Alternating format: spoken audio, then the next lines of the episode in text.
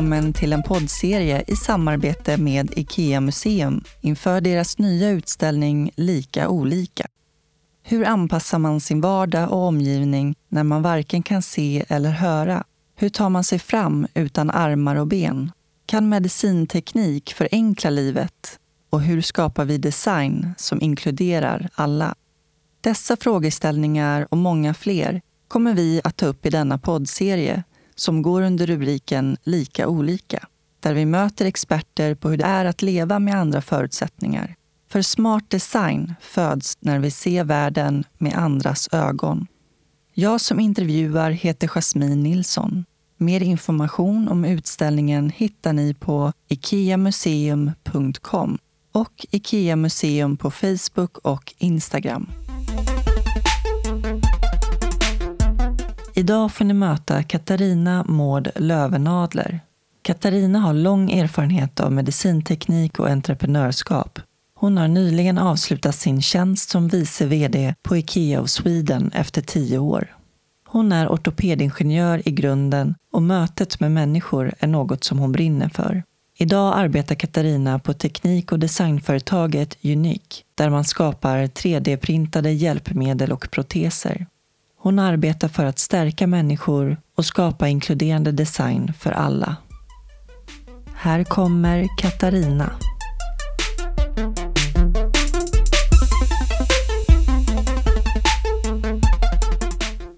Bra, då är vi igång. Ja, All teknik är på plats. Skönt. Det är alltid det svåraste. Härligt. Välkommen Katarina. Tack så mycket. Hur är läget med dig? Är det bra? Det är fint idag. Jag har flugit upp från Växjö. Okej. Fint väder.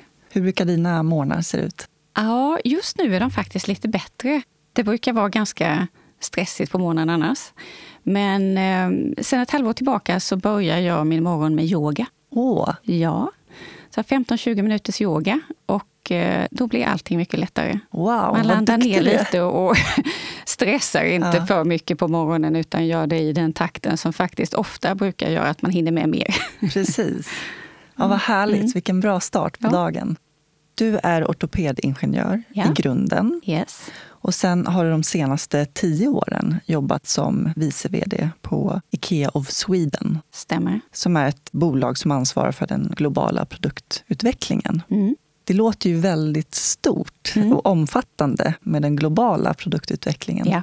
Och nu ska vi säga det att jag har ju precis lämnat min position som vice VD på IKEA efter tio fantastiska år.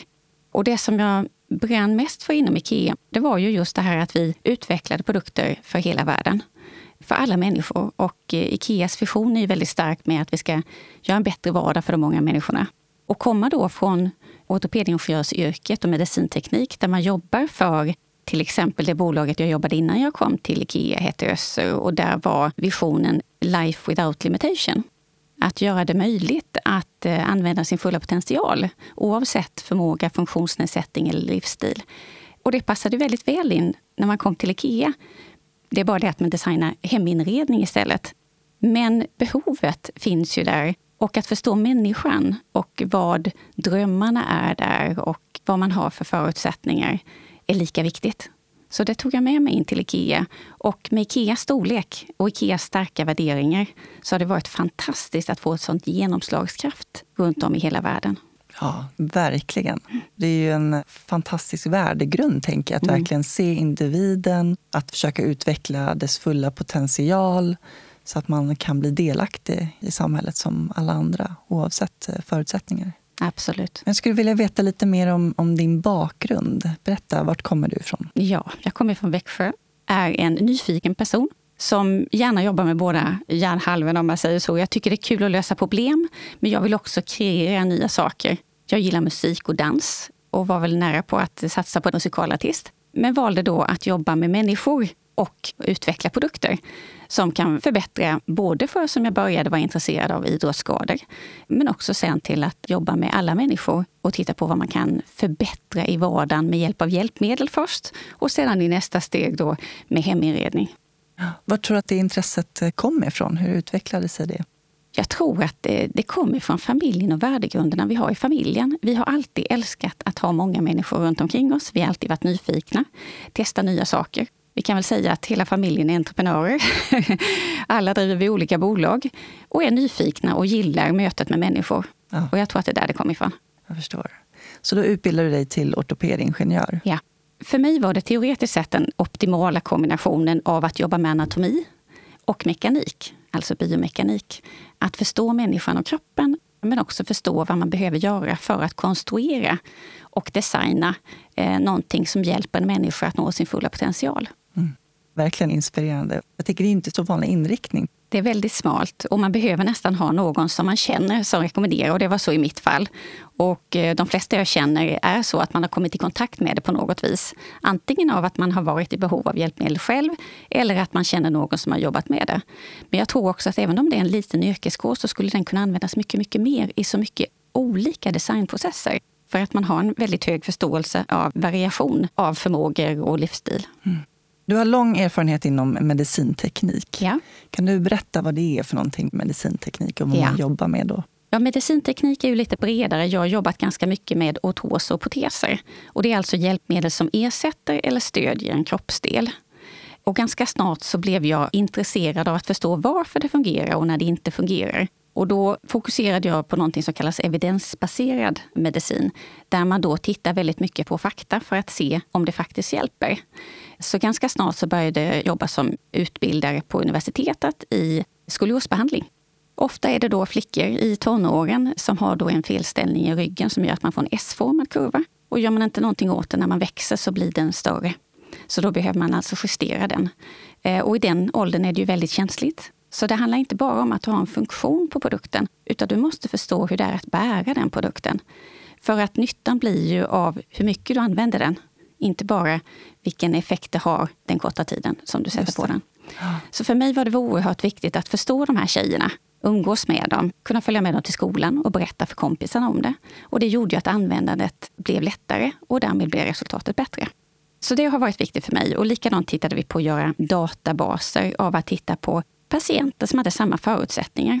För till exempel om du är amputerad så är det ju så att om du kommer till ett sjukhus så kanske det är väldigt få som är 50 år och är amputerade på grund av diabetes under knäleden. Men du kan ju jämföra det med väldigt många andra patienter runt om i världen. Så vi gjorde ett standardiserat protokoll för att behandla amputerade som är utvecklat i Kristianstad av ett suveränt multidisciplinärt team. Och jag tror det är nyckeln till också att man jobbar olika professioner tillsammans. Läkare, sjukgymnaster, ortopedingenjörer, sovvårdssköterskor. Och att man tillsammans tittar på vad är förutsättningen för patienten före? Vad är de bästa behandlingarna för just den här patienten? Och att följa upp att resultatet blev så. Och det är först när man ställer samma frågor och svarskriterier som du kan se att det faktiskt har blivit bättre. Mm. Och det gör ju att vi sen kan rekommendera en optimal behandling för andra patienter i samma läge. Så det jobbade jag mycket med och tyckte det var väldigt spännande. Ett holistiskt eh, tankesätt. Verkligen. Ett holistiskt tankesätt. Jag tror att det är oerhört viktigt att vi jobbar tillsammans och är tydliga med målsättningen.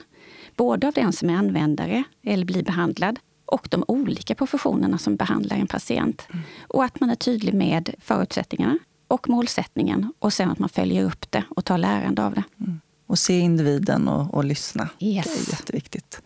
Det var intressant det du sa om skolios just för att eh, jag skadade mig i en dykolycka när jag var 15 år. Ja. Och jag hade en liten krök på ryggraden innan jag skadade mig. Men det var inget märkbart så. Eftersom att jag dansade så hade jag byggt upp muskler som gjorde att jag kunde hålla upp den här skoliosen. Att ja. Jag kompenserade med musklerna. Men så då efter att jag bröt nacken och blev förlamad, då blev ju den avsevärt värre. Så jag fick en 90 graders skolios. Det påverkade ju självförtroendet ja. jättemycket.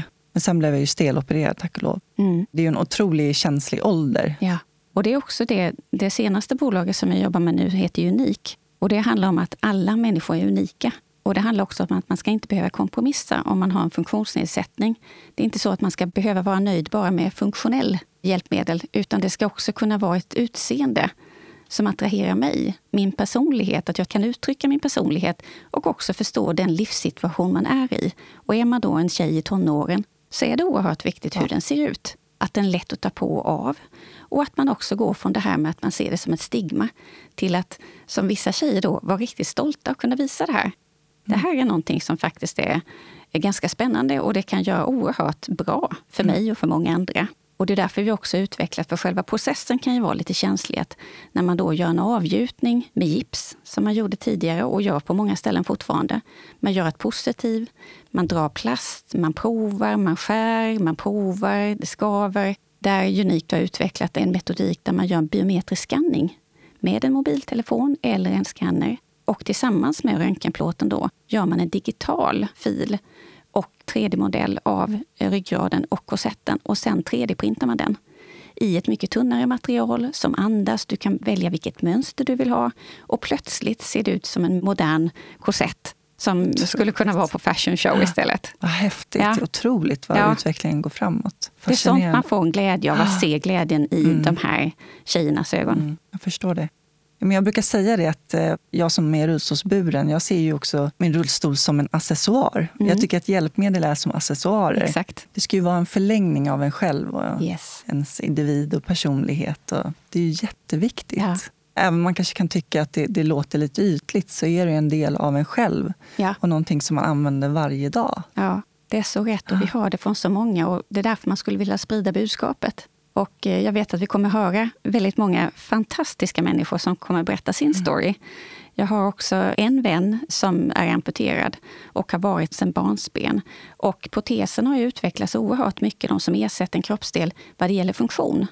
Det är fantastiskt nu att vi har människor som kvalificerat till olympiska spelen, inte bara Paralympics. Och man har till och med diskussion om man har en fördel av att vara disabel. Mm. Och då har vi nått långt vad det gäller funktion.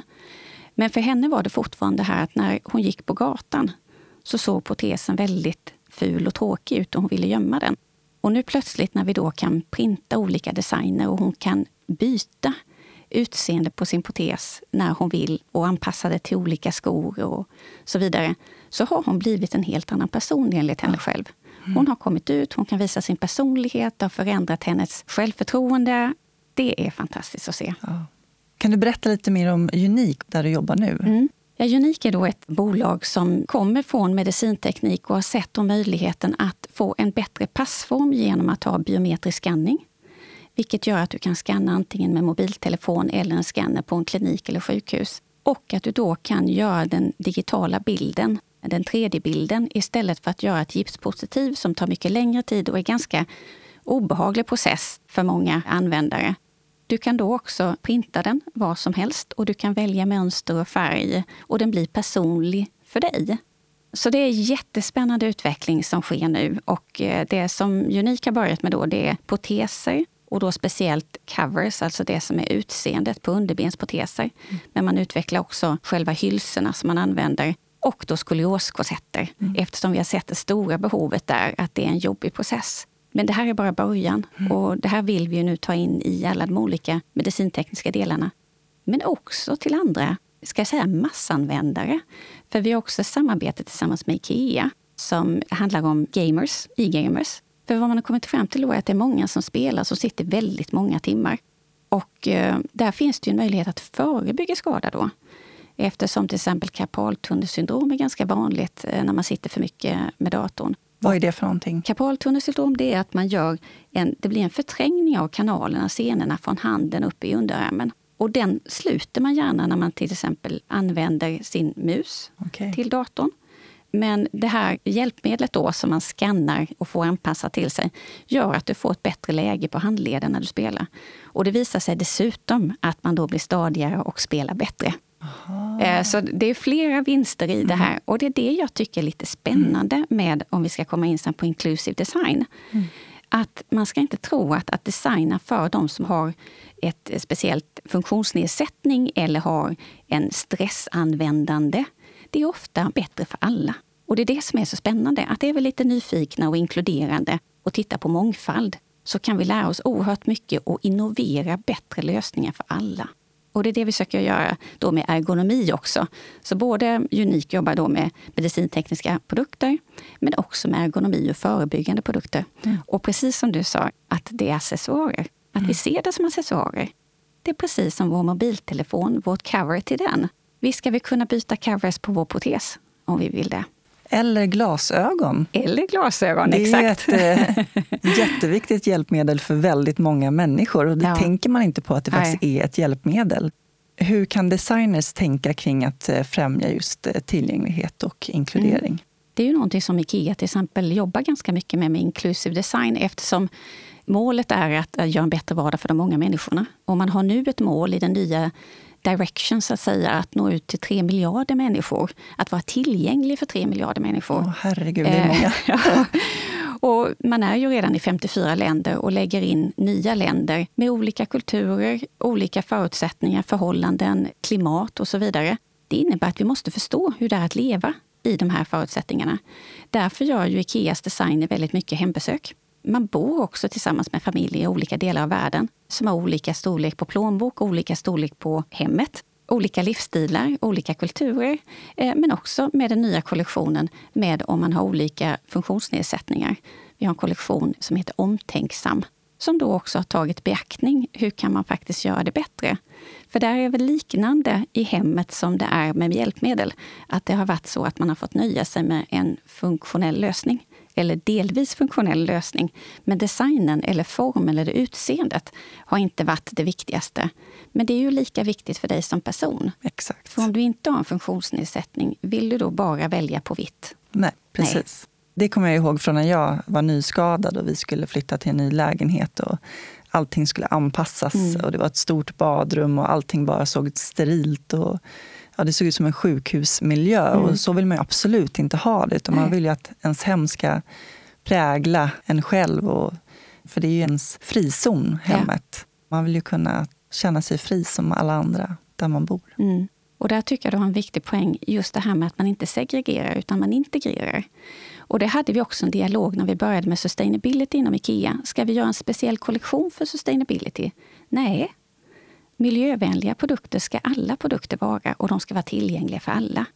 När vi pratar om barn så har vi barnens IKEA. Men vi tänker ju inte bara på att barn ska använda produkter i barnrum. För i många länder så finns det inget barnrum. Och barn lever i hela huset. Så därför är det viktigt för Ikeas designer och alla utbildade i att utveckla produkter också från ett barns perspektiv.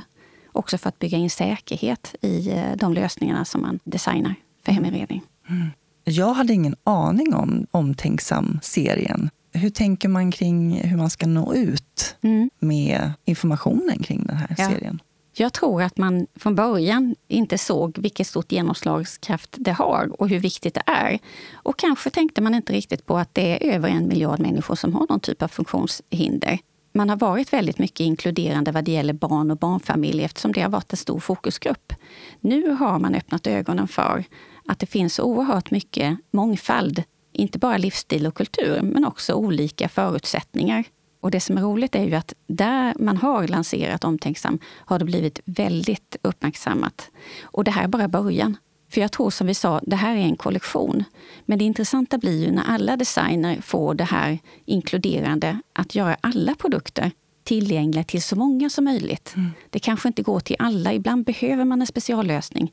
Men så många som möjligt ska kunna använda och dra nytta av och utnyttja sin fulla potential som du sa där också, att det handlar om att inkludera alla. För vi alla har ju olika förutsättningar oavsett om vi har just en funktionsnedsättning eller ej. Jag har till exempel en personlig assistent som är väldigt kort. Mm. Så i köket för att kunna nå upp till höga hyllor och så, så måste hon använda en stege mm. för att kunna nå. Och liksom, hon är ju mina armar och ben. Ja. Tänker till exempel att anpassa kök och så vidare. Mm. Att ibland kanske man bara vill ha vissa delar. Man kan göra skåp som kan höjas och sänkas och bänkar som kan höjas och sänkas. Man har ju det på arbetsplatser till exempel. Yes. Att man då har samma tänk i hemmet. Det är helt rätt. Och de här med flexibla lösningar också för att man bor ju mycket mer och man delar mycket mer. Det intressanta är att många unga människor idag, faktiskt majoriteten, har inget behov av att äga produkter. Och hemmet är idag inte de fyra väggarna. Utan hemmet ser man mycket som de delade ytorna som man har tillsammans med andra. Och det innebär ju också att det är ännu fler, större mångfald, som ska använda Precis. samma lösningar. Och därför måste vi vara integrerade och inklusiva när vi jobbar med design. Och som du själv sa med till exempel trösklar. När man har en rullstol så är ju trösklarna i vägen. Men om du drabbas av en stroke så är det också jobbigt att ha en tröskel. När du har Precis. en robotdammsugare så är det bra att vara utan trösklar. Mm. Det är bra för alla. Ett annat väldigt bra exempel tycker jag är man utvecklade för många, många år sedan röststyrning för de som har en synnedsättning vilket nu är en stor nytta för alla som kör bil. då man inte till exempel kan titta på mobilen. Så att man ska inte glömma det som designer eller drivande av företag, att det här är inte eh, någonting som man gör för en liten grupp. Det här är någonting som man gör för en stor grupp och det är bra för människan, det är bra för planeten, det är bra för samhället. Mm. Vad är ditt bästa vardagstips? Det är lite svårt, men vardagstipset som det, det är väl att vara nyfiken. Alltså att vara nyfiken och konstant lära sig och utvecklas och se det som det positiva och berikande. Det tror jag är oerhört viktigt. Sen personligen för mig är musik väldigt viktigt. Musik för olika sinnen, för olika aktiviteter. Det är den lilla pushen som jag ibland behöver. Och sen tänker jag mer och mer på det där med att, att börja vara nyfiken och ställa en fråga och vara intresserad och se en människa. Du får så ofantligt mycket tillbaka. Mm. Vad skulle du inte klara dig utan? Familjen. Familjen är så viktig för mig. Och sen även, som jag sa, musik faktiskt. för det, det ger mig en större kapacitet, mm. eh, helt klart. Men familjen är, är det viktigaste. Hur ser din familj ut? Min familj är min man och mina två söner som är 20 och 24. Sen har vi en stor familj utanför det, där vi umgås mycket med både mina föräldrar, mina syskon och min mans föräldrar och hans syskon och kusiner. Och så vi är en stor familj som gillar att umgås och gillar att bjuda in andra vänner in i våra familjesamkomster också. Härligt. Mm. Hur ser en vanlig arbetsdag ut för dig? Ja, nu ser det ju lite annorlunda ut. Jag har precis lämnat Ikea. Där Hur känns det? Ja, det känns både underligt. Eh, jag känner mig fortfarande som Ikean. Ja. och det kommer jag alltid göra. Mm. Det är ett fantastiskt bolag. Men jag har varit tio år där och jag tror att jag kan ta det jag har lärt mig och sprida det på andra ställen nu. Eh, och det är det jag gör med Unik. Så att istället för att åka 45 minuter till Älmhult på morgnarna så går jag upp och gör min yoga, äter frukost i lugn och ro med min man och min ena son som har kommit tillbaka från Barcelona nu. Så då vill jag också utnyttja den tiden och kunna umgås. Därefter sätter jag mig och jobbar. Ibland åker jag på olika resor för att både inom företag träffa de olika kontoren, träffa kunder, träffa partners. Och det kan vara i Stockholm, det kan vara i Sevilla, det kan vara i Charlotte jag gillar att resa. Jag gillar att träffa olika människor. Jag tror att mötet med människor berikar. Jag har några antingen eller-frågor här också. Ja. Mm. Lägenhet eller hus? Hus. Stad eller landsbygd? Mm, svårt. Stad. Spartanskt eller bohemiskt? Mm. Bohemiskt. Målningar eller fotografier? Målningar. Lyx eller budget? Mm, budgetlyx. jag, jag gillar value for money, så jag tror att lyx i sig har inte med pengar att göra. Mm. Målat eller tapet? Målat. Trend eller rustikt? Hmm. Rustik kan ju vara trend. Ja, precis. så att jag tror att jag inte är så mycket för trend, men kanske inte för det rustika heller. Mm. Men jag tror på att hitta en personlig stil.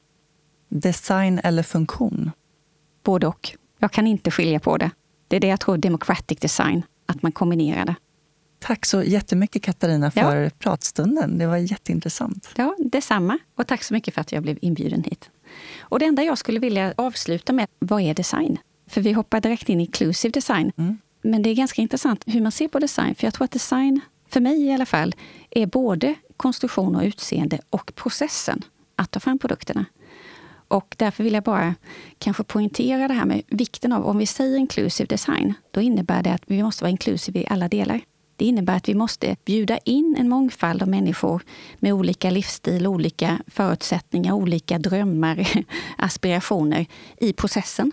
Såväl som i användandet och i uppföljandet för att förstå, lära och göra bättre.